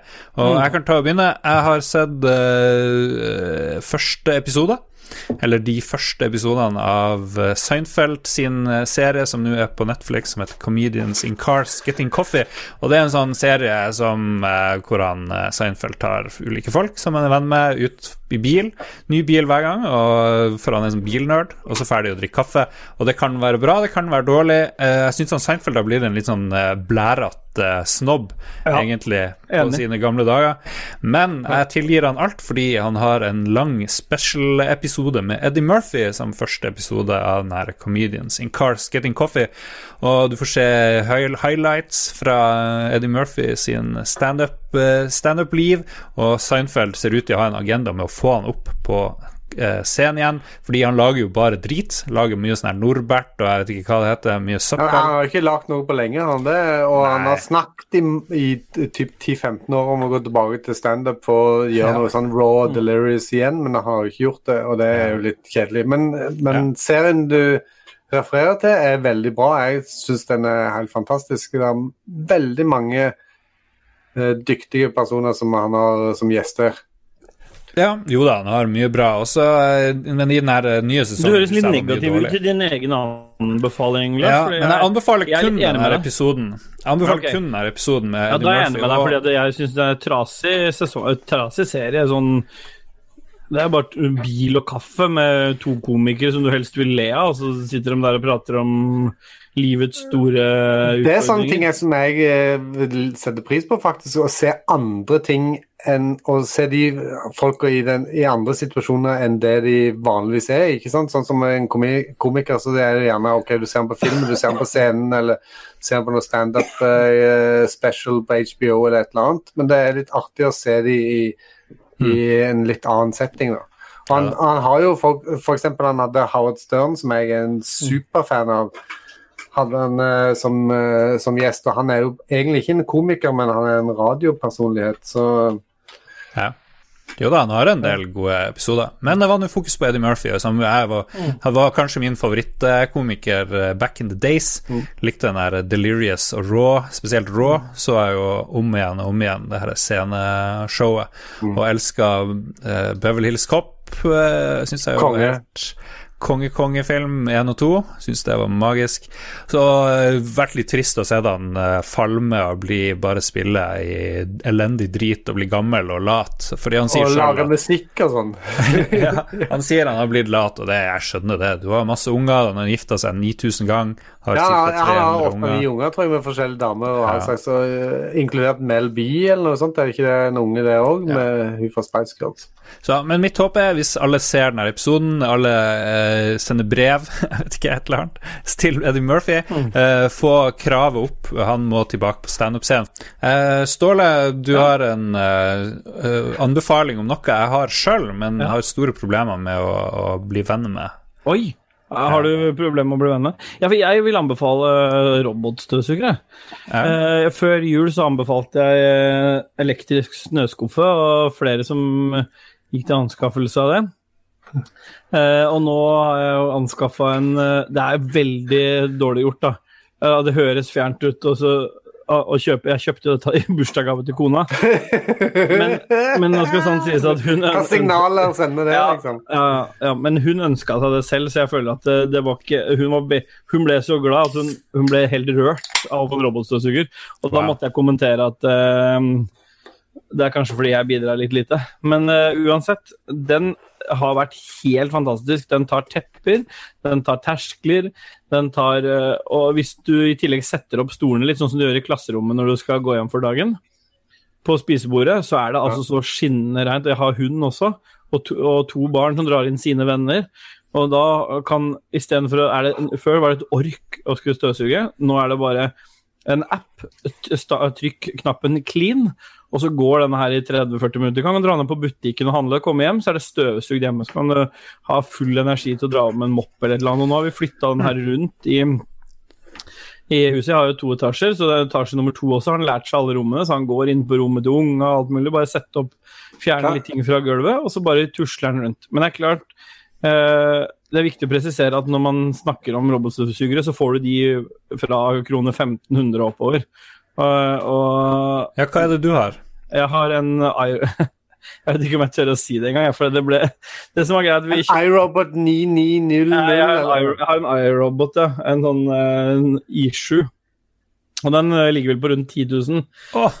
Um, så da, får, da, får du, da har du null problemer med ting og tang. Men det jeg først kjøpte, var en fra firma som heter Hva heter det? Uh, Exiomi, åssen uttaler du det? So Somi? kine ja. Kinesisk firma, i hvert fall. Og Den er kåra til best i test. Den ligger til rundt 4000 kroner. Og såpass må du ha, ha det oppi for å i det hele tatt kunne ta den hverdags... da motoren må være sterk nok til å klatre terskler og gå på tepper og sånn. Men eh, den hadde vi problemer med etter allerede første støvsuging. Så begynte den å kvittere ut at den eh, han fikk en sånn fallsensor som kobla seg inn, for han reagerer på mørkt gulv. For den, den er sånn at Så skal... tror han at han faller. ja, så tror han at det er mulig at han skal dette, for at den ikke skal dette ned trapper og sånn, så har de masse sensorer. Mm. Men, eh, men denne her er litt sånn Denne roboten er helt annerledes. Den funker ikke sånn, så den, der har, du- kan du sette opp sånne sensorer rundt forbi. For eksempel så har jeg satt opp en sensor ved vannskåla. Det fulgte med en sånn sensor til bikkja. Og den slår en sånn sirkel rundt seg. da. Så når den står i bakkant av skåla, så, så, kjø, så dulter den ikke borti vannskåla. Da bare går den liksom fint rundt. Hva syns Bulrik om dette sjøl? Han er mye mer glad i robotstøvsugeren enn eh, den vanlige. For han, han bjeffer og knurrer og angriper jo støvsugeren. Så Det syns han er skummelt, men robotstøvsugeren da, da får, den får lov til å holde på i fred. Det er akkurat som en ny kamerat. Så Det er jo fantastisk for både hund og familie. Så det er litt, akkurat den jeg har kjøpt, er nok i dyreste laget. Jeg har sett sånn tester og sånn for å gi noe forbrukerråd til eh, kunder, eh, til kunder sett til eh, de som hører på, så er det en så er det den derre eh, Pasienter og sånn. Xiaomi eh, S50. Den er kåra til beste test. Eller så er det iRobot 980 eller iRobot I7. Men da må du opp i rundt Da blir det enda dyrere enn på den som jeg har. Rundt- Jeg har en iRobot, eh, jeg husker ikke hva han heter, men han ligger på rundt 5000 kroner, tror jeg. Og, og eh, den funker helt greit, altså, men eh, Men du bør opp i, ni, altså, du bør opp i 980 for, på iRoboten. Ellers så sliter den, ellers så sliter den med terskler For motoren er ikke sterk nok. Nei, men jeg, jeg, Han kjører ikke inn på andre rom enn på en måte stue og Ja, kjøkken-areaen. Han må Den- ikke det, vet du. Jo, jo, han, denne her går i ganger, på kjøkken Ja, han, han gjør det hvis jeg har døren oppe, men jeg har døren igjen, for han trenger ikke gjøre det. For Da misbruker du eh, robotstøvsugeren. Han skal Men jeg, jeg kan heller, jeg- dette har vi snakket om før en gang, og jeg kan ikke ha den gående hvis jeg ikke er på en måte i nærheten. For at eh, jeg har to katter, og disse har en tendens til å av og til kaste opp. Og hvis denne her eh, støvsugerroboten skulle slumpe til å kjøre over etter dette oppkastgreiene, så kommer han til å dra dette rundt i, i hele stua og kjøkkenområdet. Så da kommer det til å ma male gulvet med, med flytende oppkast eh, som ligner på eh, Ja. bæsjen til, til Lars etter han hadde noroviruset. Takk for at vi fikk dro inn akkurat det igjen. Ja, ingen problem. Men kan jeg få lov til å gi en anbefaling til? Bare en sånn kjapp en. Surprise-anbefaling. Ja, fordi jeg har, eh, i sommer så har jeg jo, som jeg sa tidligere, så har jeg måttet arbeide litt. Og, og det verste jeg vet, er å jobbe uten musikk. Eh, så da gikk jeg til anskaffelse av en sånn eh, trådløs høyttaler fra merket Det er vel Logitech som lager de. Det er eh, Ultimate Airs, og den, de har forskjellige høyttalere. Men minste, en av de minste de har, heter Wonderboom. Det høres ut som en dårlig pornofilm, men det er, men det er en, en sånn rund eh, tre høyttaler som spiller sånn 360, 360 grader rundt. Mm. Eh, Der har det kommet en ny modell som heter Wonderboom 2. Det har gjort at den originale Wonderboom er gått ned i pris. Den koster 499 kroner nå jevnt år, og den spiller knallbra til eh, knallbra lyd, så er den vanntett, så er den fallsikker mot 1,5 meter, og i tillegg, hvis du skulle miste den i sjøen, så flyter den, for det er sånn flyteelementer. Så, og den, og den er Perfekt for kåret, for sommeren, Hvis du søker opp Wonderboom, så får du at den er også kåra til best i test. Det fant jeg ut etter jeg hadde kjøpt den. Men uh, nå har jeg testa den ut med litt forskjellig Og det er ikke bare radiovinyl som har gått, det har vært litt nyere musikk nå i det siste, og det funker som bare rakkeren. Så det Jeg har en sånn. Jeg har den. Ja, den er bra, den. Veldig Han klarer å formidle knitringer fra radio vinyl. Men Nei, Den, eh, da må jeg eneste- fram med min. Eneste minus er at den er veldig hissig på bassen, så hvis du skal høre ja. podkaster, så blir det veldig sånn Kan bli litt grøtete stemme på folk. Ble Men sånn der, der har jeg en anbef Der bør du velge i equalizeren, hvis du har en iPhone i hvert fall, så er det en Mm. eh, equalizer-meny som heter uh, små høyttalere, og da blir den mye bedre. Ah, ok. Ja. Godt tips. Godt tips. Så da er jeg ferdig. Yes, jeg har tidligere anbefalt eh, Ramløsa fra Ja. Sverige, for de som har muligheten til å reise over det. Og så har jeg alltid blanda en splash med Fun Light Ice Tea oppi det. Jeg eh, har jo funnet ut det at eh, det er ikke alltid at jeg får tid til å reise til Sverige og sånt, så det at eh, nå har jeg kjøpt meg en SodaStream.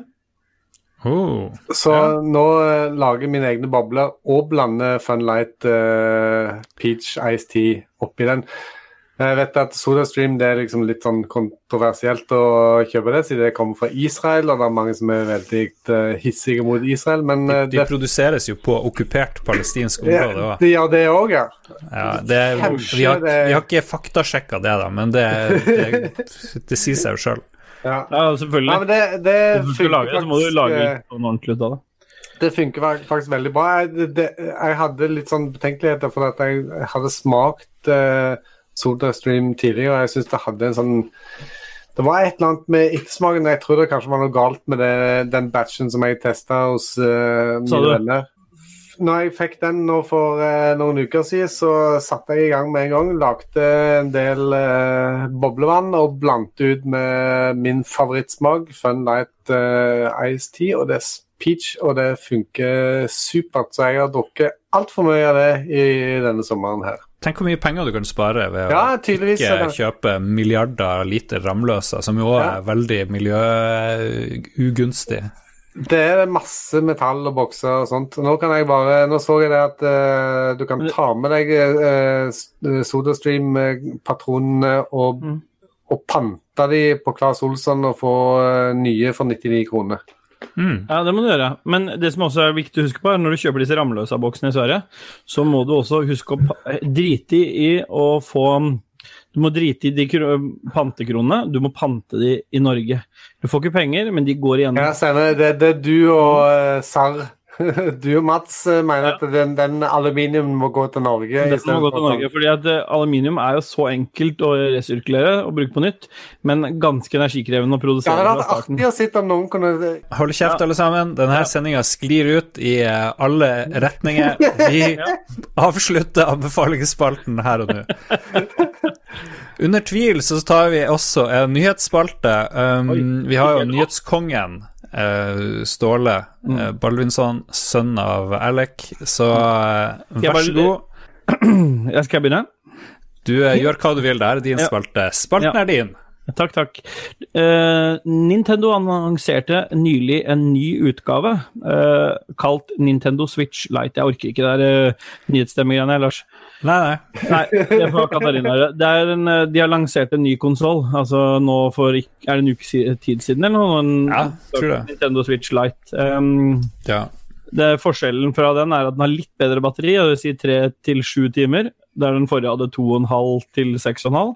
Mm. Og så har den noe mindre skjerm på 5,5 tommer sammenligna med 6,1 tommer på den originale. Og så har den, er det en ren eh, hånd, håndholdt konsoll.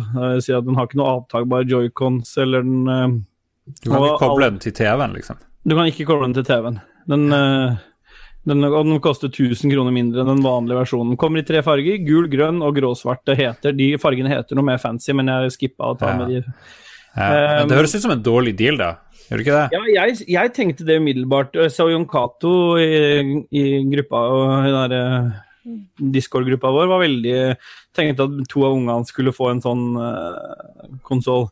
Jeg tror i ut, når den ble lansert, så var, hørtes det bedre ut enn uh, en det som skjedde for et par dager siden, fordi det er nyhet nummer to.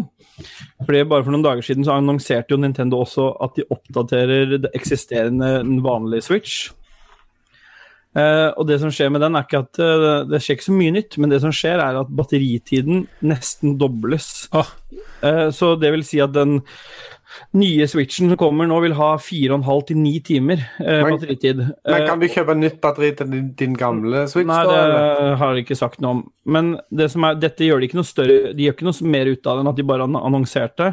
Men det som jeg tenker da, var at det er jo litt sånn den annonseringa der kveler litt Nintendo Switch Lite. For hvis er det en konsoll du vil ha lang batteritid på, så er det jo den håndholdte, den som er ren Ja, ja. håndholdt.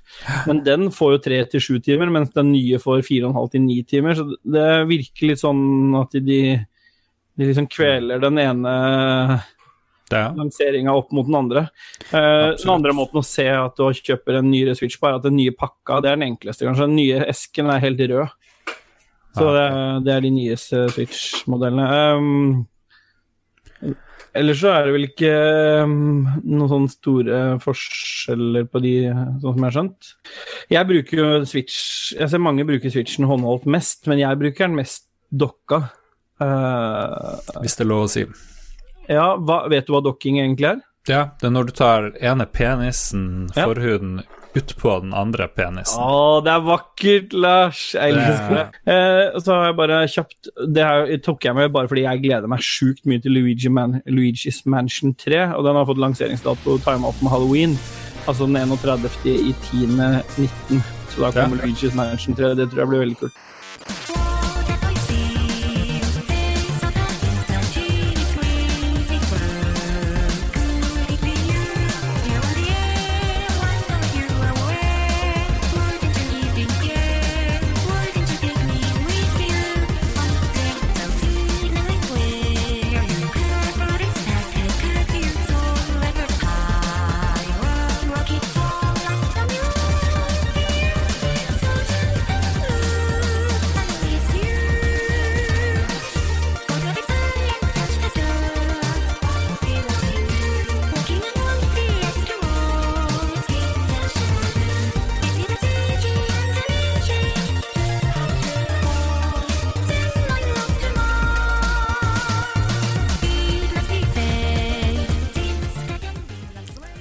Er klar med lytterspalten. Vi har spurt folk hvordan det har gått i ferien. Hva er deres høydepunkter? Hva er deres eh, lavpunkt? Lavmål?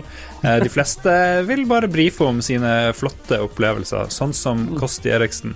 Han Mm. sier at hans høydepunkt i ferien var å bli servert frityrstekt serranoskinke i den spanske fjellandsbyen Albarracin. Ja, det var litt sånn mye skryt. Ja, Han, fy fl faen, han fløy selvfølgelig inn. der han lå elsket på luftmadrasser og Nei, gå til Geir Sandstad, da. Bokstavelig høydepunkt, spørsmålstegn. Kaffepause i Pyreneene. På tur gjennom Andorra. 2408 meter over havet. Skryt der òg. 100 Ja, det det. skryt eh, så langt. Men du ber om det, da. Ja, man gjør jo det. Det Bare om høydepunkt, men det er også om liksom, hva var det mest kjipe, og det er ingen som opplever noe Du byr på deg sjøl med å bæsje på deg og sånn, mens disse Ja. skal ha frityrstekt serranoskinke. Ja, men det er litt harry å frityrsteke ting, men samtidig så er du i fjellandsbyen. men Men er det noen du skal Er det noe jeg kan godta, da, så er det frityrsteking av ting. Som den eneste tjukkasen igjen i den eh, redaksjonen her, så er jo er, Så støtter jeg Alle andre er jo slim. Ja, du er 40 kilo under meg. eh, Kristian. Tar du neste um, Ja, det kan jeg godt. Skal vi ta Geir Sandstad, da, eller? Vi tok nettopp Geir Sandstad. Må følge med litt. da. Morgan Slang han eh, sier at eh, sommer er ferietid for de fleste, så eh, da jobber han ekstra så det griner. Overtid hver eneste uke. Slik har jeg holdt på i snart 20 år, for da tjener jeg meg opp penger til å ta en fet ferie når drittværet treffer oss om vinteren. Vi har planlagt en tur til Sør-Korea, og det blir dyrt, så her må det jobbes inn. Så det er jo ganske bra han driver og laster opp eh, credits, Mm. så han har det Creds. gode når han eh, reiser på tur. Jeg, eh, Mm. Tidligere, før jeg ble eh, en, eh, en gift mann med familie, sånt, så, så pleide jeg som regel alltid å jobbe gjennom hele ferien. For det, det var på en måte en slags vinn-vinn, for at, da var det veldig rolig å være på jobb. Så det var nesten som å ha fri, bare at du var på jobb. Og at du da kunne ta ferie når det var crap seinere på høsten, f.eks. Jeg tror ikke det er sånn i helsevesenet, er det det, Ståle? Nei. Er det som var fri om sommeren? Nei. Folk eh, blir Det syke det uansett, sånn. vet du. Det som er Ja, og så flytter de Jævla rundt på folk. seg, og så er det um, Så jeg jobba i seks år i Bærum, så var det jo Da skal jo alle disse her eh, dra på hyttene sine ut med yachtene sine og sånn, og da lar de jo gamlemor mor og far ligge igjen, da. Og da blir det jo ekstra, ikke sant. Så det er mye det er mye uansett åssen du vrir og vender på det. Men Ja. sånn, jeg er veldig glad i jobben min. da. Ja, Som journalist så er det ekstra ille å jobbe om sommeren, for da er det jo er agurktid. Agurk. Da skjer det jo faen meg ingenting, men du må fylle like mye stoff. Du må lage Men like er mye. ikke det litt fint altså, det jeg, har tenkt, jeg har tenkt mye på det der, eh, Lars. For Ja. Agurktid det er liksom sånn der, det blir sånn negativt lada. Åh, det er sånn typisk den nyheten der. Hadde aldri blitt tatt Ja. med i august eller september-oktober. Men det som er fint med det, er at du kommer igjennom Du, du slipper jo gjennom alt mulig òg. Ja. Du, du kan liksom ta med hver eneste nyhet, for det er jo på en måte agurknytt, liksom. Så det er så Det må være en perfekt tid å jobbe på, for du kan liksom bare Å ja. Ja, Så her, nå har de fått inn ny farge på de sandalene der i den lokale skobutikken. Ikke sant? Det har du ikke tenkt på, Lars. Jo, jeg er for så vidt litt enig, men før var det mer sånn at du hadde litt bedre tid om sommeren Ja. fordi du kunne bruke litt ekstra tid på ting, men i den nye medieverden så må du fylle og legge ting ut på nettet hele tida, så det er litt sånn stress. Så før kunne du liksom kjøre en dag med en softis-test, eller fære på stranda og snakke med litt folk, eller noe sånt, men eh, ja, nei. Så glem det. Eh, Men i IT-bransjen, der er det faen meg kos om om sommeren. Eh, Det tror jeg òg. vi har kommet til Morten Bekkelund, og han sier at eh, som pappa til treåring, så var det naturlig å finne på noe ikke altfor langt hjemmefra. Fant en Airbnb Uh, ved feriehjemmet Skjeberg, ja vel. Rett utenfor en campingplass hvor det var strand, lekeplass og restaurant med barn med folk som ikke greier å forstå at de vil tjene 100 millioner per dag ved å selge is til barna, men i stedet så åpner de klokka 14 på dagen. Ja, det er fint.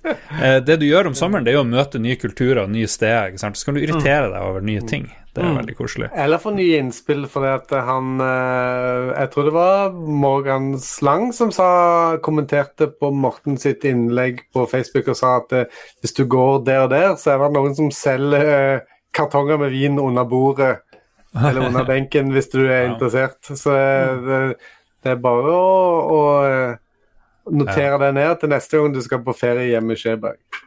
Skjeberg. Det Skjeberg. er det skjer. Vegard Mudenia, Ja. Ståle, kan du Ja. eh, ta det. Ja, for Vegard er det jo ikke noe tvil som man skal gjøre, om at sommerens høydepunkt for meg er når vi vant scene, beste scenefremførelse under NM i revy. Et lite pluss der er at uh, Alta-revyen vant beste sang under NM, som gjør at Finnmark stakk av med to av fem priser. Noe som viser er at revy går veldig bra her oppe. Nå, skal, nå vil jeg kommentere akkurat det, for at, eh, dette har jeg snakka med Vegard om før. Det er bare nord for Sinsenkrysset, eller nord for Trondheim, egentlig, at de driver med revy. Så det er, det er greit at Alta og Finnmark vant to priser, men det er ikke så mange steder i landet de driver med revy. Når det er sagt, Ja, men det er jo masse skolerevyer sørpå. Aftenposten Ja, driver er og anmelder revyene. Men det må de slutte med. Vi har, vi har, et, vi har, et eh, har en sånn sykehusrevy også, men det må man slutte med. Det er uh, avleggs, men nordpå så er dette bra humor. Eh, og når det er sagt, så syns jeg jo Jeg trodde du skulle være veldig fan av revy. Du er jo Ja, jeg, jeg vil òg tippe det. Jeg vil, Ja, vil ja. tippe han sang og Ja. slang om seg jeg, med kritiske blir det. Jeg, det, det har vært snakk om å, å søke på Sykehusrevyen til Ullevål. Så det kan hende at jeg blir fan av det. Nå er jeg mest fan av det fordi Vegard driver med det. Uh, og Vegard har gjort det uh, eh, gruppa hans har gjort det kjempebra. Så det er litt kult. og Jeg har sett Vegard har posta flere, flere Ja. innlegg på gruppa vår om det, og det er tydelig at Mm. uh, han er meget stolt over denne Absolutt. Ja, Det- det bør han det- være. Det er veldig kult. Jeg bodde jo oppe i Alta før, og der var det jeg tror det var fire revyer bare i Alta. Og så Ja. enda mindre sted, Honningsvåg og sånt. Det Hurum-revyen. Fins ikke, men det er litt sånn fordi det er ikke noen morsomme folk her.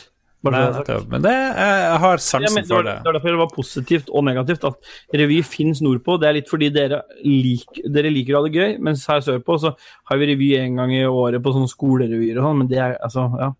Så det var både litt sånn eh, negativt og litt positivt, da, på en måte, i samme Erlend Brattås eh, han eh, opplever feriens høydepunkt akkurat nå. Han Han nyter et par singer på balkongen eh, på formiddagen før han skal ut og bade på sengen. Da antar jeg at han kanskje er i Thailand hvis han nyter singer. Ja. Ikke? Er, er Singa Asias svar på korona? Kanskje.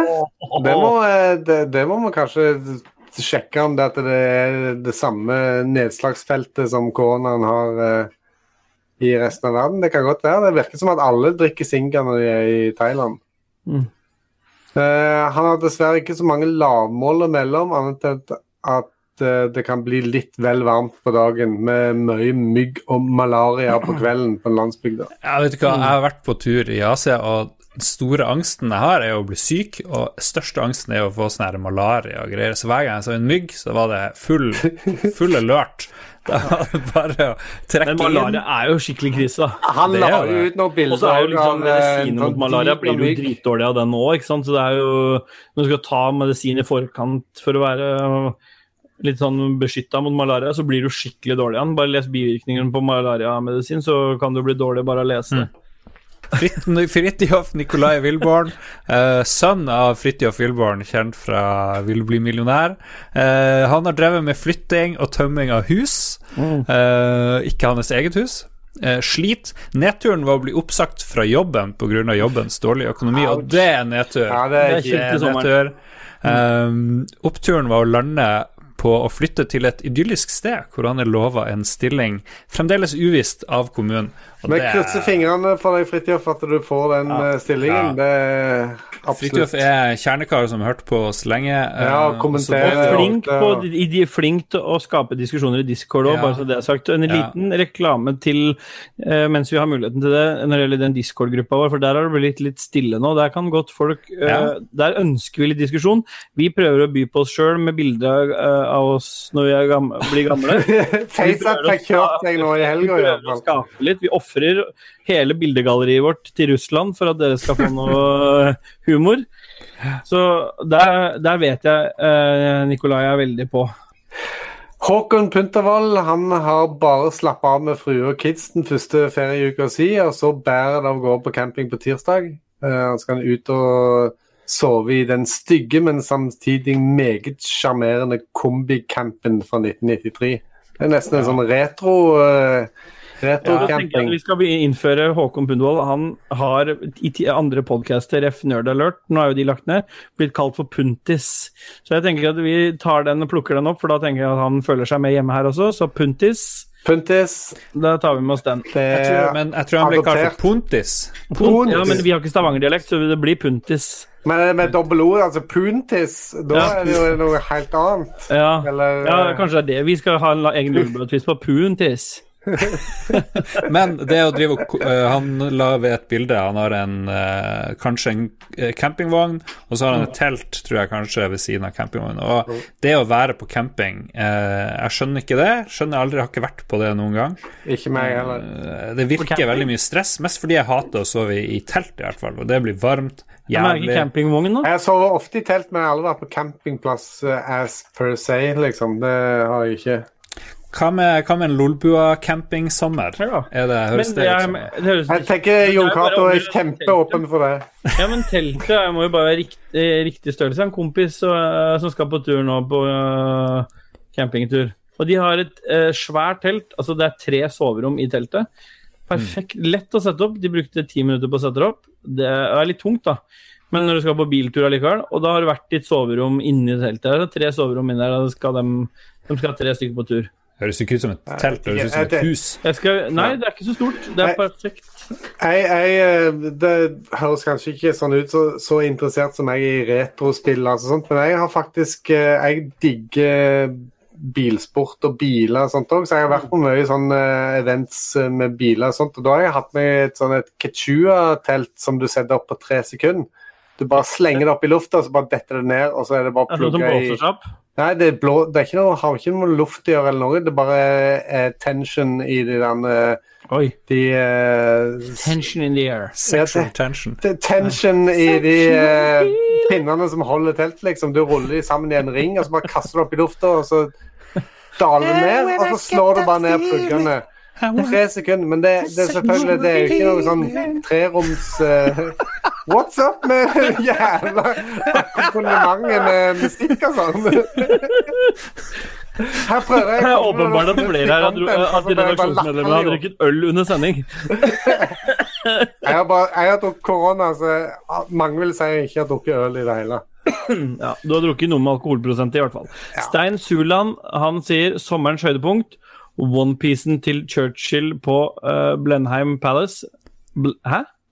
En liten kåk der Winston vokste opp. Det må være Churchill, da. Ja, det er sparkebuksa til Churchill da han var liten, da han bodde på, vokste opp på Blenheim Palace, eh, har Stein Surland bidratt med i Lolbo. Entourage, der også du bør bli med hvis du ikke er. Eh, Der er nesten Jeg er med. 800 andre mennesker, tror jeg. Vi prøver å jage for 1000 der. Hvis vi klarer for 1000, så er vi happy. Ja. Ja, eh, Kom igjen. Du trenger ikke å lese deg regelmessig engang, bare få oss opp til 1000. Ja. Trygve Bjelvåg er sistemann ut. Trodde ikke Ja. det ble bedre etter Japan-tur, men der tok jeg feil. Uh, I sommer ble så glad da det her dumpa ned i posten, og så har han delt bilde av uh, Ruffelbua korona-T-skjorta som uh, kun Ja, og Try- Trygve var jo en av de heldige som fikk uh, sin pakke levert i, til mitt postkontor to ganger. Før den ble sendt til hans post i butikk. Ja. Så det, det- han har selvfølgelig det, det har ført til at eh, mitt magesår har vokst bitte litt, men uh, veldig hyggelig at han syntes at det var uh, kult å se den, eller få den T-skjorta. Og han uh, hashtagger det med 'stay lold'. Stay Old Eh, hvis dere lurer på hvor mye som blir kutta ut av hver episode, så kan dere nå vite at nå har det gått akkurat to timer og 50 sekunder. Eh, vi har tatt opp ting. Eh, se nå hva hvor mange minutter det Det er er var altså 43 minutter. Podcastspilleren din. Det er sånn halvtime.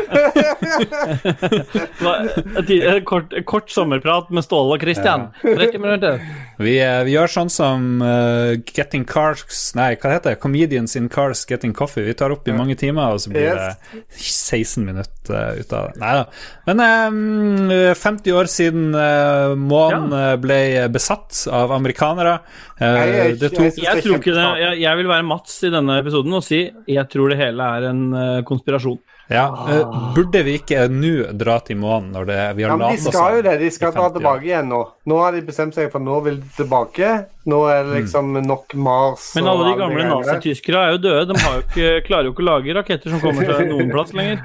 De har Nei. klart å eh, kaste noen greier til Mars, så jeg regner med at de klarer det. Jeg, det, det gleder meg. Dette er science. Science er to thumbs up fra min side. En siste, en siste anbefaling er jo å se den der uh, månelandingsdokumentaren på. NRK-appen. Ja, Fem jeg episoder. Utrolig mye gøy. eh, Ja, jeg har, har Hvorfor anbefalte du ikke den med en gang? Den har jeg ikke sett engang. Det er mye bedre enn den der jævla no dumme kaffegreiene. spoilers. Ingen, Ingen spoilers, men det er Jeg- mye- Jeg har eh, den på opptak. Det er veldig mange nazist-scientists der. Hvis du er veldig glad i, i Werner von Braun osv., så, videre, så får du Men veldig litt. mye Vi må snakke litt med Christian igjen. Hva sier du nå? Opptak? Ja, jeg har den 2019. på opptak. Ja, Ja, men du har jo NRK-appen på Nei, men det, det, det, det er veldig greit. Nei, men vi kan jo takke for i dag, kanskje. Lars. Vet La du- oss koke vekk i en pøl med ekskrement og urin.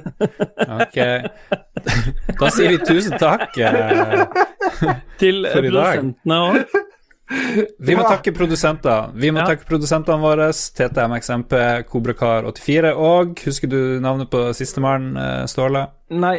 Rolf Helge Ingebrigtsen Øvergård. Og Tusen takk. Jeg, jeg syns at vi òg skal takke swapperne våre denne gangen, siden de har vært igjennom mye når det gjelder disse T-skjortene.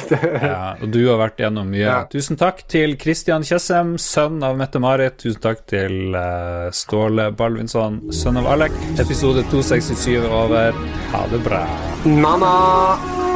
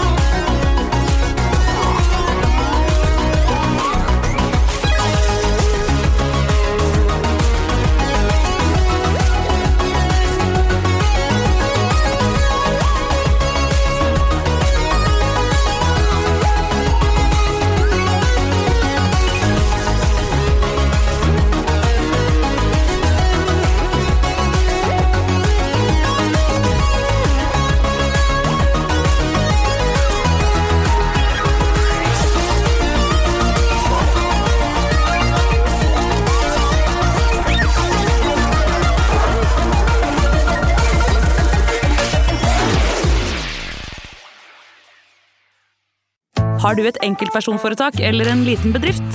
Da er du sikkert lei av å høre meg snakke om hvor enkelt det er med kvitteringer og bilag i fiken, så vi eh, gir oss her, vi. Fordi vi liker enkelt. Fiken superenkelt regnskap.